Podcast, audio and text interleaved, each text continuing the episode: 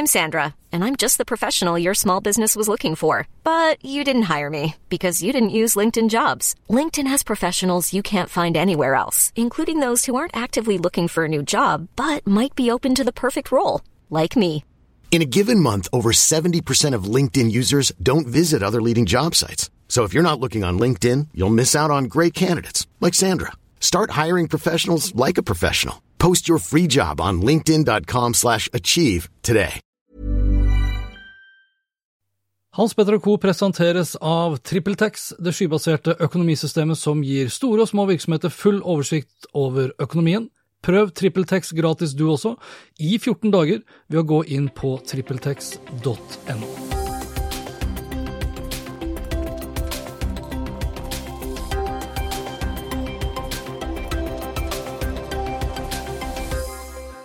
Før vi går i gang med den ordinære episoden, så skal jeg først komme med en korrigering fra episode 35, for da tok jeg for meg den norske frisøren Merete Hodne, som sammen med Per Danielsen skulle saksøke Facebook for 10 milliarder kroner. For kort tid etter at jeg spilte inn og publiserte episoden, så ble jeg gjort kjent med, via LinkedIn-posten min, at Merete Hodne bryter med Per Danielsen, og at det aldri var hennes idé å saksøke Facebook.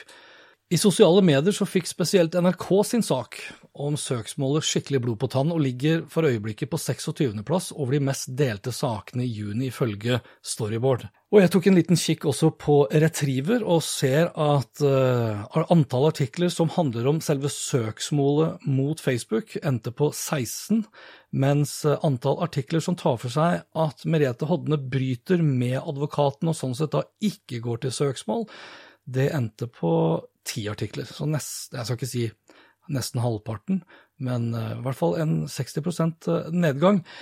Og etter hva jeg kan se fra samme storyboard, så er ikke det faktum at Merete Odne bryter med Per Danielsen inne på topp 50. Til NRK så sier Merete Hodne at søksmålet mot Facebook ikke var hennes idé, og jeg siterer, advokaten tok kontakt og sa at nå skulle vi ta Facebook, jeg ble revet med, men jeg hadde aldri hørt noe om at eh, et søksmål var i gang, hvem det skulle rettes mot og hvor mye penger det var snakk om. Dette kom helt ut av kontroll. Per Danielsen på sin side derimot ser ikke ut til å være helt ferdig med saken, så får vi se da om vi kommer tilbake til den ved en senere anledning.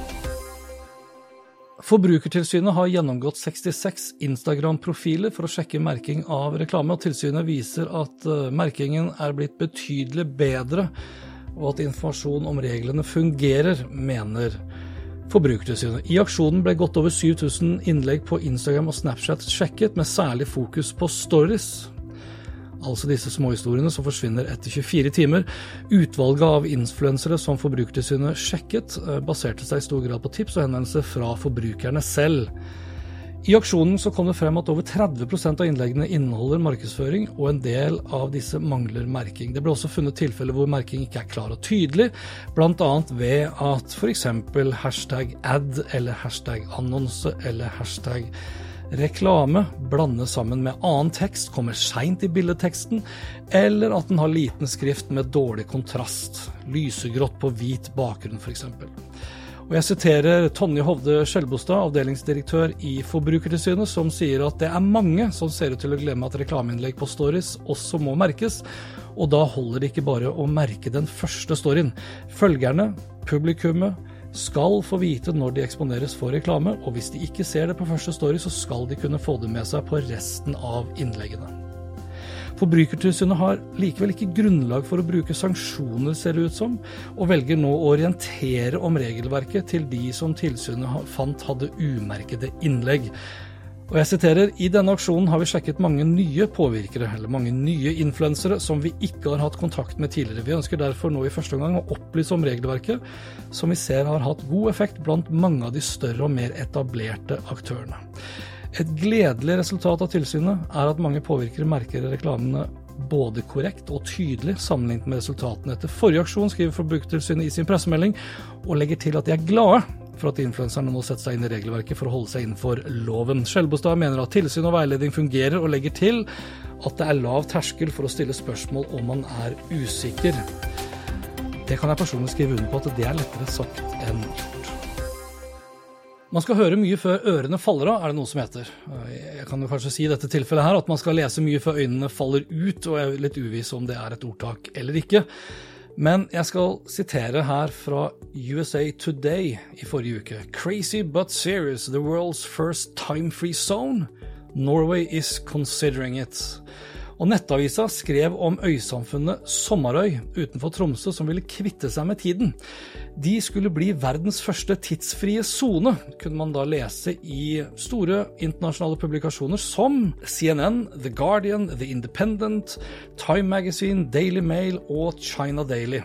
Og her hjemme så var NTB, NRK, Dagbladet, TV 2, Nettavisen og en rekke regionale medier kjapt på ballen. Senere så fulgte Aftenposten og Aftenposten Junior og Dagens Næringsliv opp historien, som først ble kjent via en pressemelding av PR-operatørene 5.6. Og nå viser det seg at det her var bare tull og tøys fra ende til annen. Oppspinn, rett og slett, for å skaffe seg oppmerksomhet, og således økt turisme til Sommarøy. Og det hele når du trodde at det ikke kunne bli verre, var sponset med en halv million kroner av Innovasjon Norge. Ideen om ei klokkefri øy i nord var sikkert kul, ideen om å bruke en halv million kroner på å villede befolkninga burde derimot vært gravlagt for lenge siden, skriver Medie24-journalist Ola Alexander Saue. Alt i alt var dette et vellykket stunt. Noen kreative sjeler hos Innovasjon Norge kom opp med ideen i vinter, og vi luftet den for noen destinasjoner i Nord-Norge, svarte reiselivsdirektør i Innovasjon Norge, Bente Bratland Holm, til NRK sist uke. Noen vil kanskje føle seg litt lurt. Men man kan ikke annonsere seg til oppmerksomhet lenger. Man er nødt til å fortelle en god historie. En god historie er veldig bra å fortelle, men en løgn er kanskje ikke like lurt. Kristoffer Egeberg i faktaorganisasjonen faktisk.no han sier til Medie24 at statseide Innovasjon Norge finansierer og produserer falske nyheter, er ikke til å tro. At de gjør det med stolthet, er rett og slett skremmende.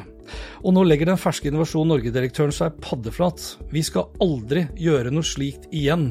Og som Medier24-journalist Ole Alexander Saue skriver i sin sak, de siste årene har vi sett en kraftig økning i falske nyheter, propaganda i sosiale medier, og den noe mindre skumle veslebroren Alternative nyheter med alternative fakta.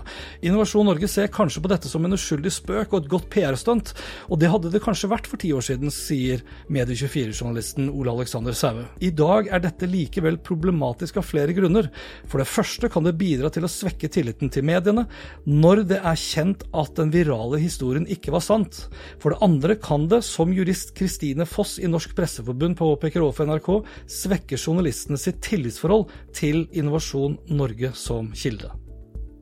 If you're a stickler for keeping the time, you might not want to visit this island in Norway because they might get rid of time. The Independent reports the Norwegian island Sumeroy, which has 300 residents, are wanting to become the Earth's first time free zone. The reason for the move is because the citizens on the island feel like normal business hours aren't applicable because of the sun's position there. During the winter, the sun never rises, and in the summer, it doesn't set. Talk about an endless summer. The leader of the Time Free Zone campaign spoke with NRK Broadcasting, saying stress and depression can be characterized by feeling trapped, and the time zone in Samaroy plays a role. Going on to say, in a quote translated by The Independent, We will be a time free zone where everyone can live their lives to the fullest. Adding, because of the constant daylight in the summer, You'll see people out and children playing even though it's really 2 a.m. So getting rid of the time zone will just be a formality. However, the campaign leader said young people and children will still have to attend school, but there will be flexibility. Other northern towns in Finland and Nordland have also expressed support. Recently, the campaign leader had a meeting with Norwegian members of parliament with the petition, but Gizmodo reports the proposal was sparse on details.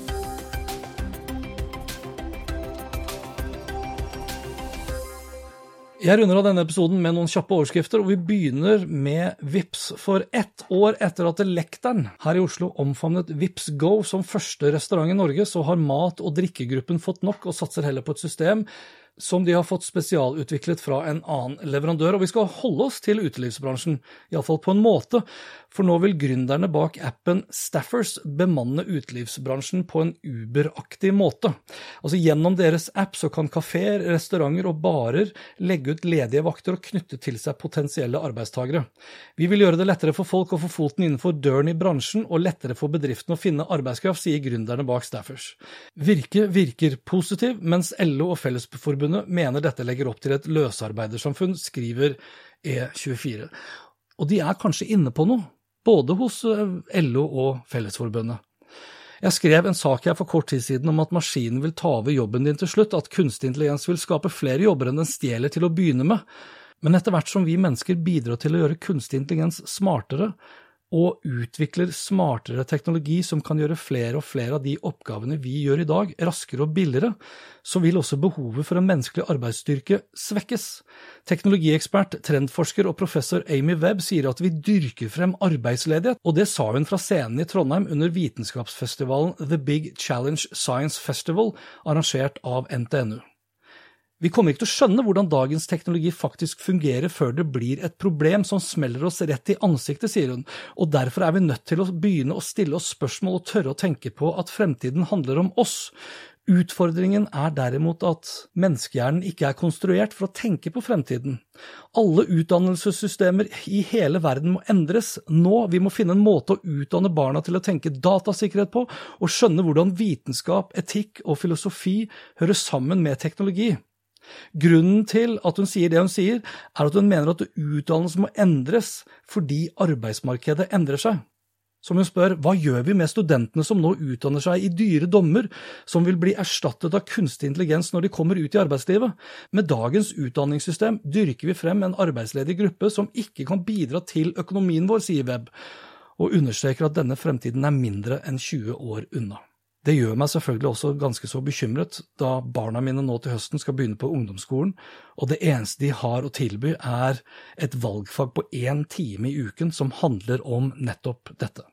Og siden vi er inne på kunstig intelligens og roboter, så har nå 700 personer, de fleste akademikere, teknologer og forskere, signert et opprop mot bruk av våpen som kan drepe på eget initiativ. De ønsker at landets folkevalgte skal bidra til at Norge tar et tydelig standpunkt og støtter internasjonals innsats for å starte forhandlinger om et juridisk bindende instrument mot utvikling og bruk av dødelige autonome våpensystemer. Prorektor for forskning og utvikling ved Oslo OsloMet, eh, Morten Irgen, sier at våpenkappløpet handler ikke om atomvåpen, det handler om kunstig intelligens. Og han har jobbet med kunstig intelligens i om lag 30 år. Han er også bekymret for at teknologien kan havne i hendene til grupper som ønsker å skape uro. Som han sier, teknologi blir stadig billigere og lettere å få tak i. Vi har sett ISIS sin bruk av sosiale medier, kryptering, droner og cyberangrep. De tar i bruk nye teknologier, og om de får tak i autonome våpen, vil de bruke dem. Og de vil ikke være like tilbakeholdne som nasjonalstater kan være, sier Irgens avslutningsvis til eh, E24. Og så For å runde av det hele på en high note, så vil jeg komme med en aldri så liten serieanbefaling. Ta en kikk på Years and Years-serien på HBO. Den dukket opp 24.6, og det her er en fiktiv versjon av samtiden som ses gjennom øynene til en familie i Manchester over en periode på 15 år. Storbritannia trekker seg ut av Europa, USA blir en ensom ulv, Kina hevder seg, og en ny verden tar form. En aldri så liten dystopisk fremtidsserie med blant annet Emma Thompson anbefales på det sterkeste. Don't you